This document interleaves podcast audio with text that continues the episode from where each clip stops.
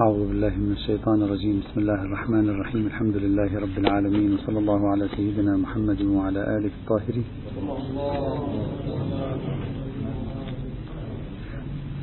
أود اليوم أن أتحدث عن موضوع مختصر وسريع ننهيه اليوم إن شاء الله تعالى.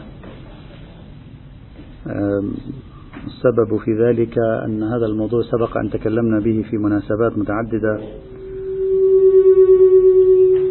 وتفصيل هذا الموضوع يمكن للإخوة أن يراجعوه في الكتب التي تعرضت لموضوع التعددية الدينية. بالنسبة إلى ما كتبته شخصيا يمكن للإخوة الرجوع إلى كتابين. الكتاب الأول نفس كتاب التعددية الدينية الذي صدر في سنة 2001 تحدثت فيه عن هذه النقطة من بعض الجوانب. والكتاب الثاني هو الحديث الشريف حدود المرجعية ودوائر الاحتجاج. في الجزء الأول في بحث آه، يتصل بمسألة العدالة واشتراط يتصل بشكل أساسي بإمكانية الاحتجاج بنصوص حديثية من غير مصادر الشيعة الإمامية. بتلك المناسبة تكلمنا عن هذا الموضوع وأشرنا إليه. نعم. لذلك لا أريد أن أطيل فقط أريد أن أختصر تلك الموضوعات بجلسة واحدة لأن هذا الموضوع طويل جدا ولا نريد أن نطيل فيه كثيرا. سأضع عنوان هو الصورة الأخلاقية للآخر. الصورة الأخلاقية للآخر الديني بين التقبيح والتبرير أو بين الاتهام والتبرير. وسأربط هذا العنوان وهذه الفكرة التي سنتكلم عنها اليوم سأربطها بموضوع بحثنا. دائما عندما نتكلم عن العلاقة مع الآخر خاصة من زوايا دينية وإيمانية الصورة الأخلاقية للآخر تترك تأثيرا في علاقتنا معه.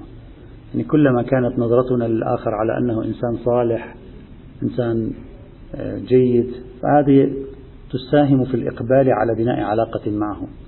وكلما كانت الصورة عن الآخر على أنه فاسد سيء قبيح شرير فهذه تلقائيا يعني كأي إنسان آخر تجعل بيننا وبينه حاجزا نحاول أن نحمي أنفسنا منه أو على الأقل بوصفنا مؤمنين تهمنا القيم والفضائل نشعر بأننا غير قادرين كثيرا على الانسجام معه بسبب هذه القضية العلاقة بين المسلم والآخر الديني تترك يترك أثرا أثرا فيها.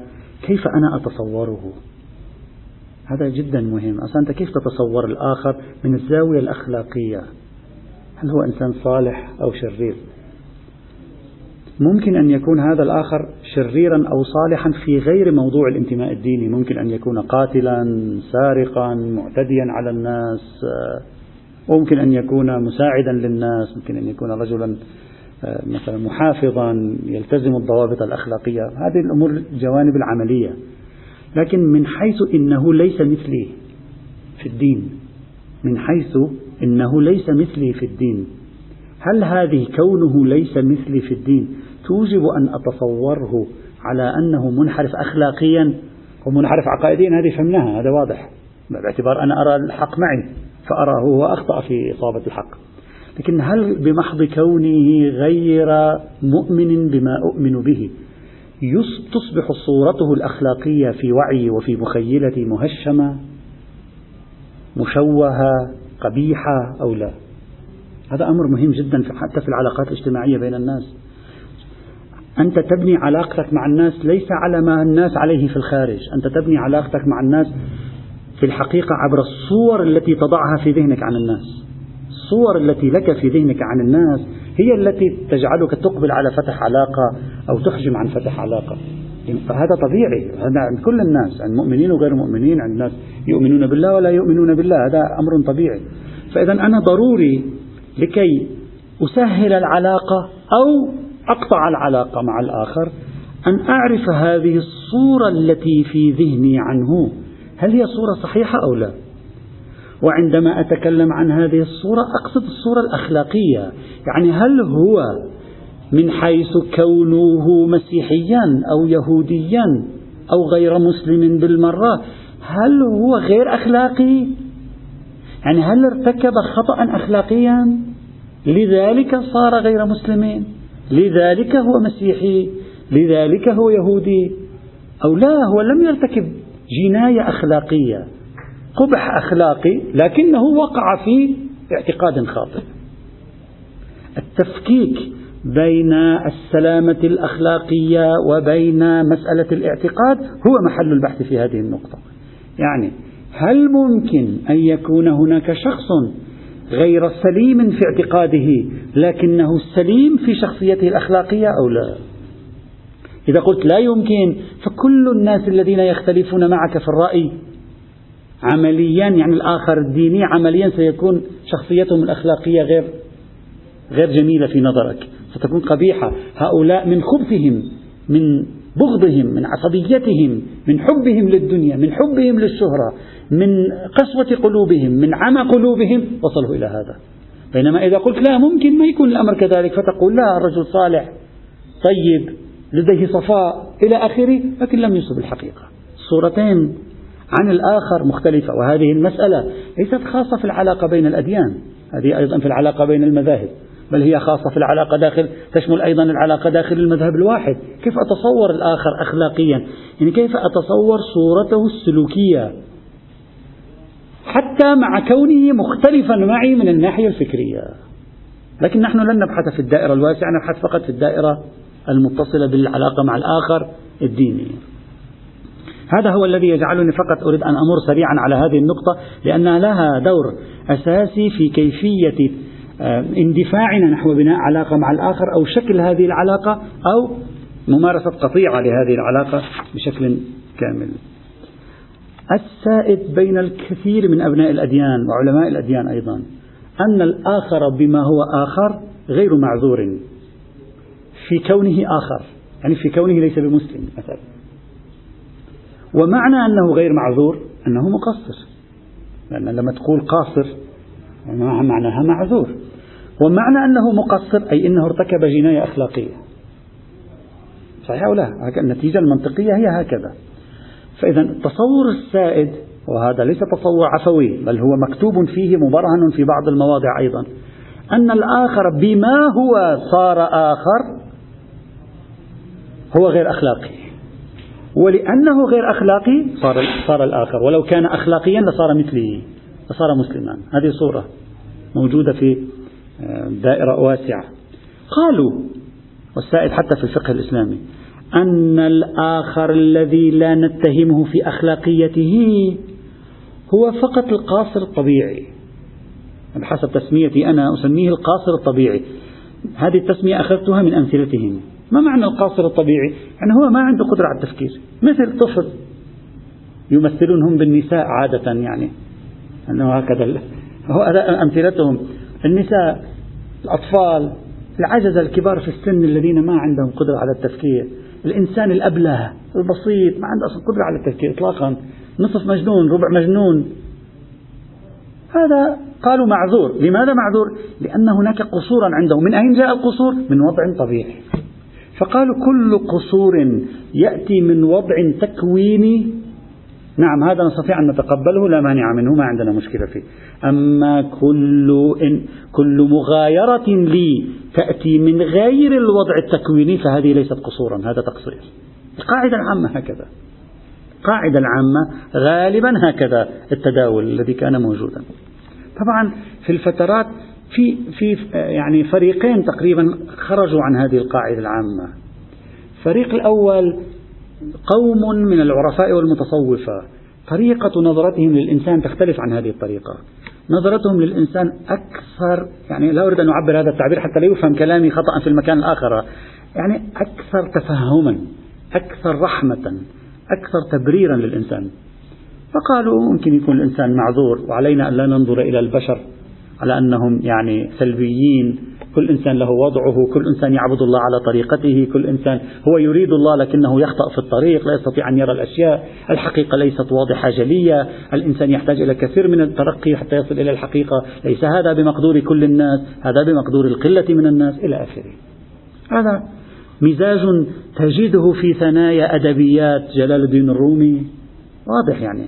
تجده في ثنايا أدبيات ابن عربي.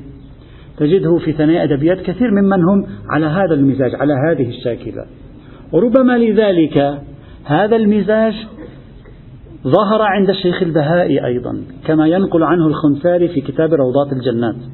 شيخ البهائي الخنساري في كتاب روضات الجنات ينقل عنه أنه كان يقول إذا شخص بحث في الحق فلم يصبه فهو معذور. ويقول بأنهم قاموا عليه القيامة عندما قال ذلك. قالوا لا هذا غير صحيح وصار يبدو صار نقاش. ويوجد إشارات عند الوحيد البابهاني رأيتها في بعض كتبه يبدو عليه أنه يريد أن ينتقد هذه الفكرة ولعله ناظر إلى البهاء لا أدري. يشير إلى أحد ما أظن في كتابه ألا نتكلم من ذاكرتها أظن في كتابه الرسائل الأصولية. هناك أو في أو في الفوائد الحائرية واحد من اثنين يشير إلى شيء من هذا القبيل. ورب لأن البهاء كما تعرفون لديه منزع ذو تفكير فلسفي وروحي. وربما هذا أيضا أثر في شخصية أخرى مثل الإمام الخميني رحمة الله تعالى عليه. فالإمام الخميني في كتاب المكاسب المحرمة كما نقلنا ذلك مرارا في كتاب المكاسب المحرمة في بحث الإعانة على الإثم الذي يريد أن يرجع يمكن أن يرجع إلى الجزء الأول من كتاب المكاسب المحرمة صفحة 200 لديه نص واضح يقول فيه بأن أكثر عوام بل علماء أهل الكتاب جاهلون قاصرون لا مقصرون. هذا نص صريح بهذه بهذا الوضوح وبهذه القاطعية. ويستند الإمام الخميني لمعذوريتهم يستند إلى دليل حجية القطع. طبعا الإمام الخميني لما يقول معذورين لا يعني أنه يقول يدخلون الجنة دير بالك يقول معذورين يعني لا يدخلون النار. هذا ستقول لي يعني وين نسوي لهم خيم يعني؟ ننصب لهم خيم يعني في الخارج؟ يقول لك نعم. يوجد كلام في الوسط. ثمة كلام بين العلماء في شيء وسط بين الجنة والنار. ويوجد نقاش في هذه القضية. بإمكانكم أن تراجعوا هذا النقاش. أحيانا يبحثونه في مسألة ابن الزنا. مثلا بعض العلماء يقول ابن الزنا لا يعاقب ولكن لا يدخل الجنة. ليش لا يعاقب ويدخل الجنة؟ ويستندون لذلك روايات أيضا. توجد بعض الروايات بالمناسبة. ومن هؤلاء المحدث البحراني صاحب الحدائق. وتبعه في ذلك أيضا شيخ تبريزي. وثمة إشارات لهذا الرأي أيضا في كلمات الإمام الخميني أنه مثلا يوضع في جهنم ابن الزنا يوضع في جهنم. لكن في بيت يأتيه إليه الطعام فما يتعذب ولكن لا يكون في الجنة. موجود إشارات. هلا ربما تكون كلمة في جهنم تعبير كنائي عن أنه لا يوضع في الجنة مثلا لكن لا يوضع في مكان يعني مثل الجنة يوضع في مكان بحيث يعني يقتات ويؤذي نفسه مثلا. موجود هذا ومستندهم في ذلك ثلاث أربع روايات غالبا لا يعتمد عليها العلماء. يعني لكن بعضهم يميل إلى هذه الفكرة. عندما نقول الإمام خميني يقول بمعذورية هؤلاء لا نقصد أن هؤلاء يعني سيدخلون الجنة بالضرورة على رأيه. لكن على الأقل لا يرى أنهم يدخلون النار. يعني لا يرى أنهم يعذبون. حتى عبارته ما يقول آه، أكثرهم عندما يتكلم أكثر يقول الكفار أكثرهم إلا ما قل وندر جهال قاصرون لا مقصرون. أما عوامهم فظاهر. يقول هذا واضح أنهم قاصرون. العوام يعني كأنما يعتبرها بديهية. العوام واضح قاصرين شو عرفهم هذا لماذا القصور في العوام؟ وجه القصور عنده في العوام. يقول لهؤلاء التنشئة يقحم الإمام الخميني مفهوم البيئة البيئة الاجتماعية البيئة التربوية. يقول التنشئة التي نشأوا عليها جعلتهم عندما يصبح الإنسان منهم بالغا أصلا لا ينقدح في ذهنه بطلان مذهبه. لا يأتي في تصوره هذه القضية. مثلك أنت أنت ما أنت نحن الآن في عصر الشك. في عصر الشك و60% 70% 80% من المسلمين ما يجي في بالهم أن الإسلام باطل. في عصر الشك الآن نحن. تعرفون الجو هذا الجو الفتن المعرفية الهائلة التي تعصف العالم. فكيف تصور معي قبل 300 سنة؟ كل هالفوضى هذه ما كانت موجودة. تصور معي قبل 400 سنة 500 سنة. وهذا المتربي في آه، البلاد المسيحية أو في البلاد الإسلامية ما يخطر في باله أنه والله يوجد حق في مكان آخر. ولذلك يقول لعدم انقداح خلاف ما هم عليه من المذاهب في أذهانهم بل هم قاطعون بصحة مذهبهم وبطلان سائر المذاهب نظير عوام المسلمين يقول هذا مثلك مثل عوام المسلمين. فكما أن عوامنا عالمون بصحة مذهبهم وبطلان سائر المذاهب من غير انقداح خلاف في أذهانهم لأجل التلقين والنشوء في محيط الإسلام يعني العنصر البيئي كذلك عوامهم من غير فرق بينهما من هذه الجهة والقاطع معذور في متابعة قطعه فيستند إلى حجية القطع. ولا يكون عاصيا وآثما ولا تصح عقوبته في متابعته لا تصح. يقول هؤلاء العوام هو يقول حتى العلماء والعلماء كيف أيضا يكونوا معذورين؟ يقول وأما غير عوامهم فالغالب فيهم أنه شوف لاحظ. طبعا واحد يحلل هذه النصوص يحللها من زاوية نفسية واجتماعية. كيف يقرأ الأمور السيد الخميني؟ من زاوية نفسية اجتماعية. يقول حتى هؤلاء العلماء استنت العلماء نفكر يعني من العدم ظهروا علماء. هكذا ظهر علماء يعني يعني كأنما لم بيج بان يعني لم يكن يوجد شيء. دفعه واحدة أنا ما صار هو عالم واعي إلى هذا الحد. يقول لا ليس الأمر كذلك. التصور طفولي هذه القضية. هؤلاء مثل مثل بقية البشر. كلهم كلهم كلهم. مثل مثل بقية البشر. يمكن في واحد اثنين ثلاثة عبر التاريخ ما أعرف. مثلك مثلهم. ولدوا في فضاء تلق تلقنوا هذه الأفكار عاشوا هذه الأفكار. أصلا عندما نضج عندما دخل إلى المؤسسة الدينية إلى الدراسة الدينية هذا العالم المسيحي أو اليهودي فما كان متصور في حق غير حقه. ولذلك لما ظهر ذهب يقرأ يقرأ لكي يثبت ما هو موجود في مثبتات قلبه. لا لكي يتأكد من صحة ما عليه فقط لكي يثبت لغيره ليزداد علما ليخدم دينه. وهذا يحدث كم واحد فينا الآن إذا سويت إحصاء حقيقي كم واحد فينا خرج من هذه العباءة وفكر في لحظة واحدة أنا الآن خارج كل شيء أريد أن أبدأ من الصفر؟ قليل. هذا حقيقة يعني قليل. حتى لو كان طالب علم طالب علم ما يولد علامة دهره. يولد إنسان بسيط عادي أو أبوها يؤثر فيه أمها تؤثر فيه. وبالتالي ينشأ على هذه التنشئة. لذلك قال فالغالب فيهم أنه بواسطة التلقينات من أول الطفولية والنشوء في محيط الكفر صاروا جازمين ومعتقدين بمذاهبهم الباطلة بحيث كل كل ما ورد على كل ما ورد على خلافها ردوها بعقولهم المجبولة على خلاف الحق من بدو نشوئهم. فالعالم اليهودي والنصراني كالعالم المسلم لا يرى حجة الغير صحيحة وصار بطلانها كالضروري له. لكون صحة مذهبه ضرورية لديه لا يحتمل خلافه إلى أن يقول وبالجملة إن الكفار كجهال المسلمين منهم قاصر وهم الغالب ومنهم مقصر يعني وهم القليل.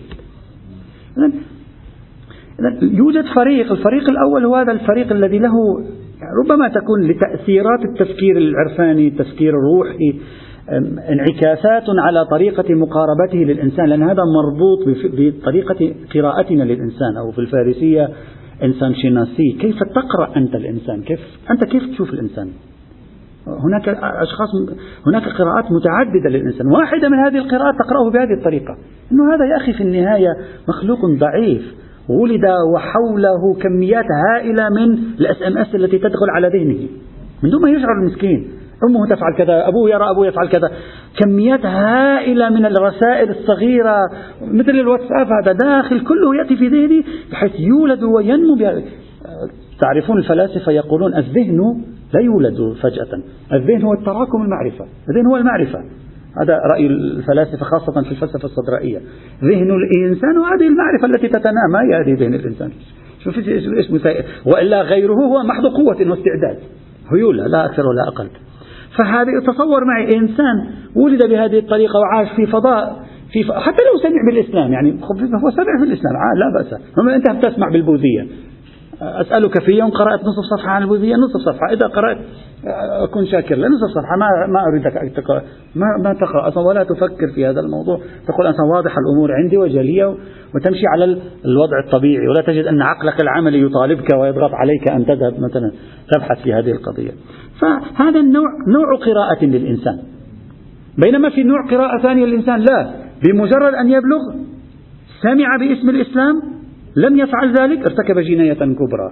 هو غير مبرر له كأنما هو الآن خام وبمجرد أن جاءه الحق توقف أمامه. فأنت تتعامل مع الإنسان اللي عمره 16 سنة مر على أنه معبأ بأعداد هائلة من ال SMS ومرة تراه خالي الذهن على فطرته ولما سمع الإسلام رده فتقول رديت الفطرة. هذه صورتين لتكوين الإنسان. هذا الرأي يعتبر أنه لا صورة الإنسان يجب أن نكون واقعيين. هذه الصورة الطبيعية للبشر وكثير من هؤلاء صادقون وكثير من هؤلاء يريدون الله ولكن ما, ما رأوا الطريق. هذه آه، صورة. لا لا لا, لا يبدو لا, يب لا ليس هناك نصوص واضحة لجميع العلماء في حل هذه القضية. هذه القضية من بدايات تجدها مثلا في كلمات آه، الجاحد الجاحد له إشارات في ذلك المعتزلة أشاروا إلى وبدأ الحديث عنها. لكن ليس كل العلماء لديهم رأي فيها نعرفه. نعم نعم. في فيما يتعلق بوجود القاصر الاعتقادي. القاصر في مجال العقائد. هل يوجد أو لا؟ كثيرون تجد عندهم أنه لا هذا خلاص قاصر. طبعا نحن نتكلم الآن كمتكلمين لا نتكلم كفقهاء. الفقيه يقول لك أنت قاصر غير قاصر براحتك أنت معذور. لكن أنا أرتب عليك آثار الكفر كيف؟ يعني نجس. هذا بحث آخر ما له شغل. الفقيه يشتغل على قواعده. لكن الآن نتكلم نحن من زاوية كلامية نقول هل هو معذور أو ليس بمعذور؟ هل هو مرتكب لجناية أخلاقية أو لا؟ وين يظهر الأثر فقهيا؟ يظهر الأثر فقهيا أن هذا الشخص إذا أنا لم أجعل الاعتقاد جزءا من العدالة هل هذا غير عادل لأنه ليس معتقدا أو لا؟ تظهر مثلا بين المذاهب هذه أكثر شيء. لذلك بحثنا في كتاب الحديث. این لازم نیست علما اینو بگن این بحث که این فلان معذوریانه یه از سغرایات بحث حجیت قطع. همه علما قال حجیت قطع هستن پس همشون لا استطيع لا لا نستطيع لا نستطيع ان ننسب اليهم شيئا بسبب انهم يعتقدون بكبرى، لماذا؟ لأن هذه واحدة من الأشياء التي قد يتورط فيها الإنسان، مثلا السيد الخوئي يقول بحرمة الإضرار بالنفس، اضرارا معتدا به. أنا قطعت بأن التدخين إضرار بالنفس. هل أستطيع أن أقول السيد الخوي يحرم التدخين؟ لا. الرجل لم يقل أنا أحرم التدخين. لعله لا يراه مضرا. لكن أستطيع أن أقول هو يحرم الإضرار وهذا الذي أشار إليه بل فصل الكلام فيه الشيخ الأنصاري في الرسائل في بحث الإجماع المنقول. عندما كان يقول كثيرا ما تجدهم يقولون أجمعوا على ألف لكن أبدا ما أحد لن يتكلم في ألف. كيف عرف هذا أنهم أجمعوا؟ فقال الشيخ الأنصاري أحيانا أجمعوا على باء. مدعي الإجماع.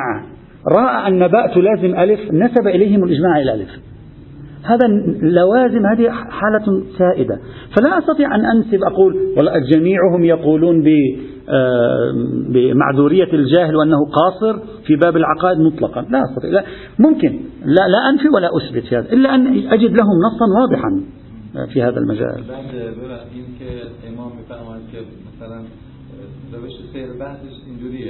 که امام اول عوام گفته بعد علما در که برعکسه. عوام که خالی الذهنن علما مثلا ذهنشون متردد بلکه منکره. اینا به طریق اولا معذور باید باشن. چون رد می‌کنم به من الان مثلا من که یه مقدار در مورد دین خوندم با یه نفر که بی سواده که کمتر در مورد تعبیز و عذر و اینا اون اون بیشتر من بیشتر عذر باید داشته باشم. و اون کمتر چون اون یه شبهه خارجش میکنه از دین. ربما الإمام الخميني قرأ الأمور بعكس ما تقرأه أنت تماما. لماذا؟ يعني لأن العوام بين قوسين هذه الكلمة لأن العوام عادة في الأمور الدينية ما, ما يسمعونه من شبهات يعتبرون أنه مجاب عليه. العوام أكثر التصاقا بالفكرة لأن الفكرة مندمجة في ذاتهم. العالم لأنه سبح في بحار من القيل والقال يعرف أن القضايا ليست بهذه البساطة فربما يكون عرضة. لذلك الغزالي عندما كان يؤكد دائما على عليكم بدين العجائز كان يهاجم المتكلمين يقول المتكلمين لم يأتينا منهم إلا الشك وهو معارض لعلم الكلام كان. يعني قال هؤلاء المتكلمين المتكلمون كلهم كل هذه البحوث ما تجد متكلما إلا وتجده مثل هو يمثل مثل الخيط الذي كلما جاءت ريح ممكن تذهب به يمينا ويسارا، لماذا؟ لأنه غاص في حقيقة الدراسات الدينية ورأى أن القضية ليست بسيطة. ليس هذا لونه أزرق مثلا. مثل واحد فيلسوف أنا الآن تقول لي هذا واحد لونه أزرق؟ يقول لك إيه نعم لونه أزرق. تجيب واحد فيزيائي يقول لك شو أزرق؟ ما في شيء اسمه أزرق. أزرق يعني شنو؟ ما في شيء اسمه أزرق. هذا عينك بس اللي فيها. ولا لا يوجد شيء اسمه أزرق. فكلما ازداد ربما أشكلت الأمور عليه أكثر ربما. لعل الإمام نظر إلى هذه الزاوية يعني أكثر. طبعا هناك شخصيات أنا رأيت لها في كلماتها إشارات إلى معذورية القاصر الاعتقاد بهذا بشيء قريب من هذا المعنى مثل الشيخ محمد جواد مغنية له بعض العبارات في بعض كتبه الشيخ السيد محمد حسين فضل الله أيضا الشيخ حسين علي المنتظري. نسب هذا الكلام إلى الجاحظ إلى العنبري. رأيت الغزالي الآمدي ينسبونه هذا الكلام أيضا إلى الجاحظ. نعم هو معتزلي من أئمة المعتزلة. هو أصلا متكلم أيضا. فهو لذلك أصلا هو علم اللغة نهض في أحضان المعتزلة كما يقال خاصة البلاغة نعم. وعلى على إثر نهوضه عندهم اضطر الآخرون أيضا أن يشاركوا فيها لأنهم يؤمنون بنظرية المجاز. وهذه ساعدتهم أرادوا أن ينظروا لعلوم اللغة. لا فيما بعد جاء جاء الأشاعرة وأبو بكر الباقلاني وغيرهم لا. لكن في البدايات كان هذا همهم المعتزلة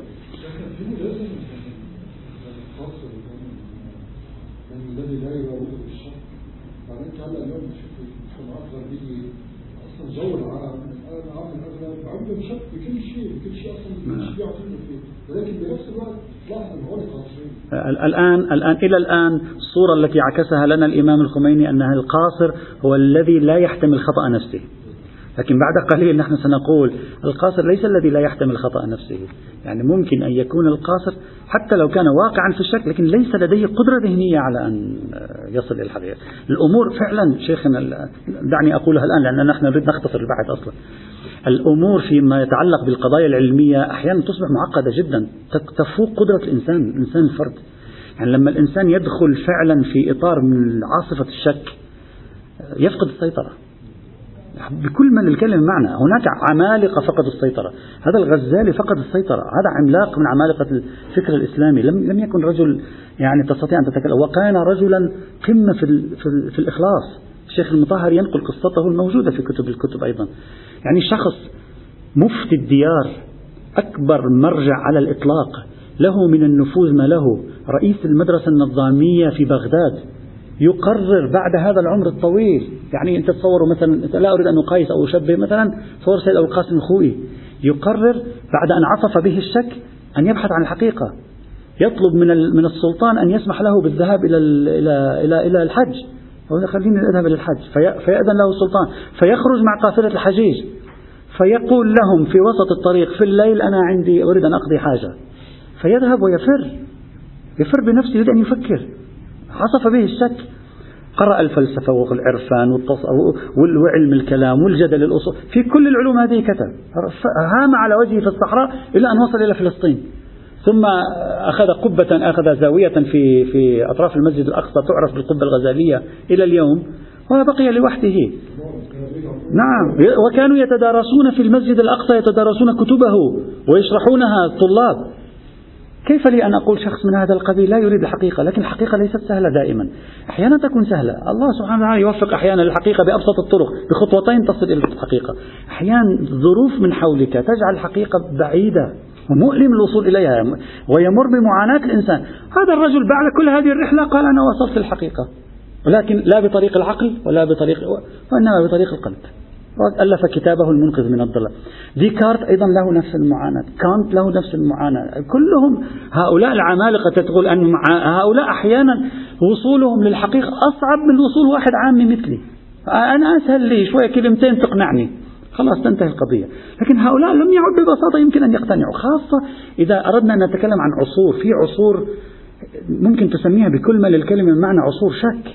تعصف بالإنسان تعصف أغلب الآن الناس لا لا نذهب بعيدا. أغلب الناس الآن تعاني. وليس كلهم سيئون يعني يعانون من أزمة نفسية. يقول ماذا أفعل؟ ولذلك أنا إذا واحد يأتيني يتكلم معي أقول له لا تبحث روح سوي علاج نفسي. لأن المشكلة نفسية في الحقيقة. أنت ما تستطيع تصل إلى حل بهذه الأزمة النفسية. لأن هذه الأزمة النفسية لو جئت له ببرهان البراهين ما راح يستطيع أن يتقبله. ليس خبثا لكن خلاص عصف به الشك. يقول ولعله يأتي يوم يبطل هذا الدليل. وأنت في الحقيقة أوروبا لماذا دخلت في في عصر الشك؟ لأنهم عاشوا فترة ألف عام ألفين عام على فلكيات بطلميوس عاشوا ألف ألفين عام على طبيعيات أرسطو وتصوروا العالم بالبداهة بطريقة فجأة. فتحوا تصور معي. فجأة استيقظت صباحا فتحت عينك رأيت العالم كله شيء آخر. طبيعيات غير الطبيعية يوم يبدل الأرض غير الأرض. هذا يوم تبدل طبيعيات غير الطبيعيات والفلكيات غير الفلكيات. وجدوا أنفسهم عراة. حقيقة ليس هناك شيء. يعني يضعونه على عوراتهم لكي يهدأوا. بعضهم ضل الطريق بعض. والله ربما يكون هذا واحد من الامتحانات. الله يمتحن عباده. ماذا تفعل أخلاقيا أنت في عالم الشك؟ في رحلة الشك. ربما هذا. أصلا ربما لا يكون المطلوب منك أن تؤمن لكن المطلوب منك أن تكون مخلصا. وأنت ربما هذه السلامة الأخلاقية تنقذك حيث لا يوجد منقذ فإذا ليس فقط في عصر الوضوح. الإمام الخميني كان يتكلم في عصر الوضوح. مجتمع يلقنك تصبح الأمور واضحة عندك. لكن أحيانا المجتمع هذا يلقنك الاضطراب النفسي نحن في عصر كله اضطرابات نفسية. أصلا اليوم توجد دراسات أن هذه الكميات الهائلة من المعرفة التي ينتجها البشر. مضرة أو ليست مضرة؟ مرة أشرنا إلى هذا الموضوع. توجد دراسات الآن في الناحية الاجتماعية الناحية النفسية. أصلا هل من الصحيح أن الإنسان يكون يرمى عليه هذه الكمية الهائلة من المعرفة؟ خاصة وسائل التواصل الاجتماعي. كل يوم يسمع بخبر كل يوم يسمع بمعلومة.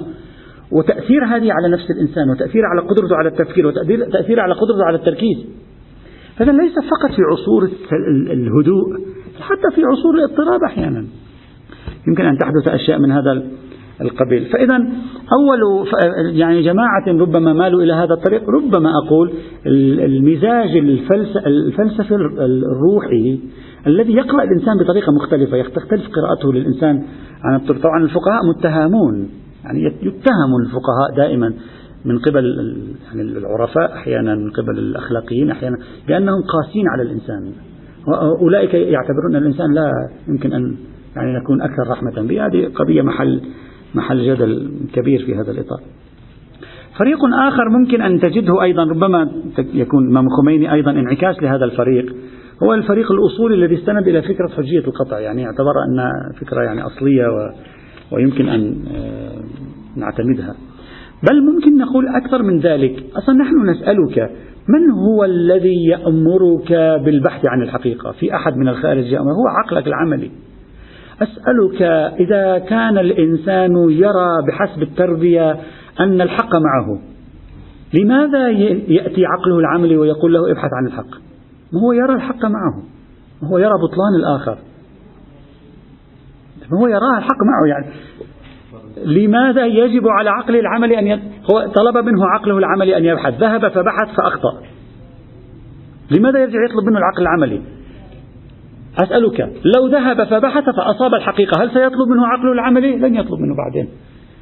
العقل العملي لا يهمه أصبت الحقيقة أو لم تصب. العقل العملي يهمه عرفت الحقيقة أو لم تعرف. بنظرك بنظرك في أفقك أنت.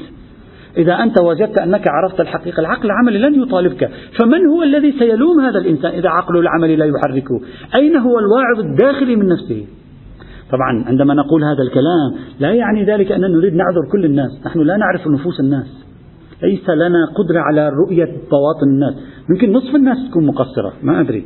يمكن 90% منهم يكون مقصرين. لا أدري. يمكن في منهم فعلا مروا بمرحلة زمنية وفعلا خبثهم هو الذي أدى إلى ضلالهم.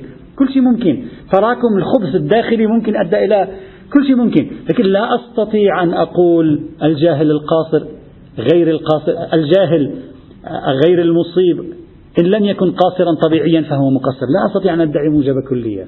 أستطيع أقول القضية مختلفة وبالتالي أي إنسان أختلف معه في الحقيقة الأصل الأول أن أقول غير متهم أخلاقيا حتى تثبت إدانته. لا أستطيع أن أتهمه أخلاقيا.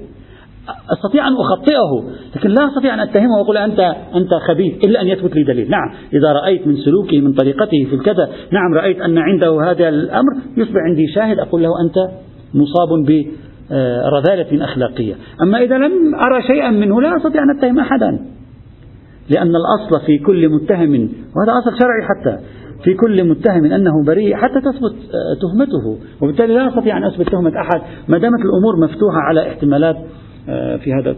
طبعا لا أريد أن أدخل في إشكالية كيف يمكن أن ألزم الناس في البحث في الدين. يعني بعضهم يقول لك لا والعقل يلزمك في أن تبحث في الدين بجميع جوانبه وأن تدرس جميع الأمور وكلما احتملت شيئا يجب عليك أن تبحثه.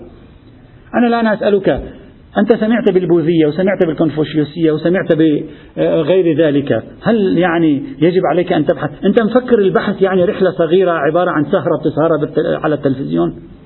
هو هذا البحث يحتاج إلى لغة ويحتاج إلى تأمل.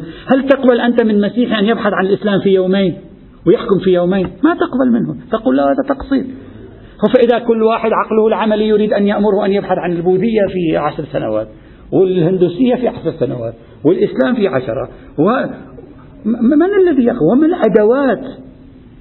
ليس بطاقة الناس ليس شيء في طاقة الناس هذا الأمر.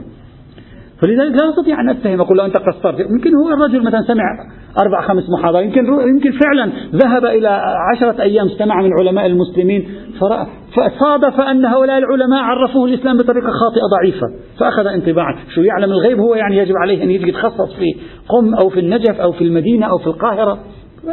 تكليفهم بما لا يطاق يعني فلنكن واقعيين عندما ننظر الأمور. يصبح هذا ضربا من التكليف بما لا يطاق. فلذلك الأفضل لنا أخلاقيا لا نتهم أحد أخلاقيا. نقول ممكن أن يكون متهما. الله أعلم به. ممكن أن لا يكون متهما أخلاقيا. الله أعلم به. لكن أنا سلوكي تجاهه أن أتعامل معه بأصالة البراءة. يعني البراءة من التهمة. وبالتالي هذا يجعل صورته في ذهني غير مشوهة. يعني غير ملوثة.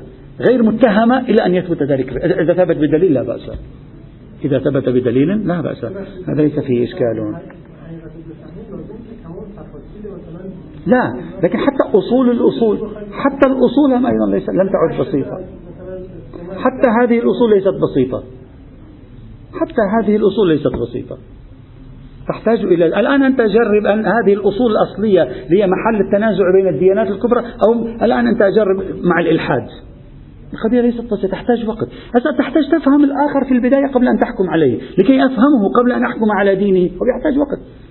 ثم أنا وأنت نحن طلاب علم درسنا 10 20 30 سنة في حواضر علمية.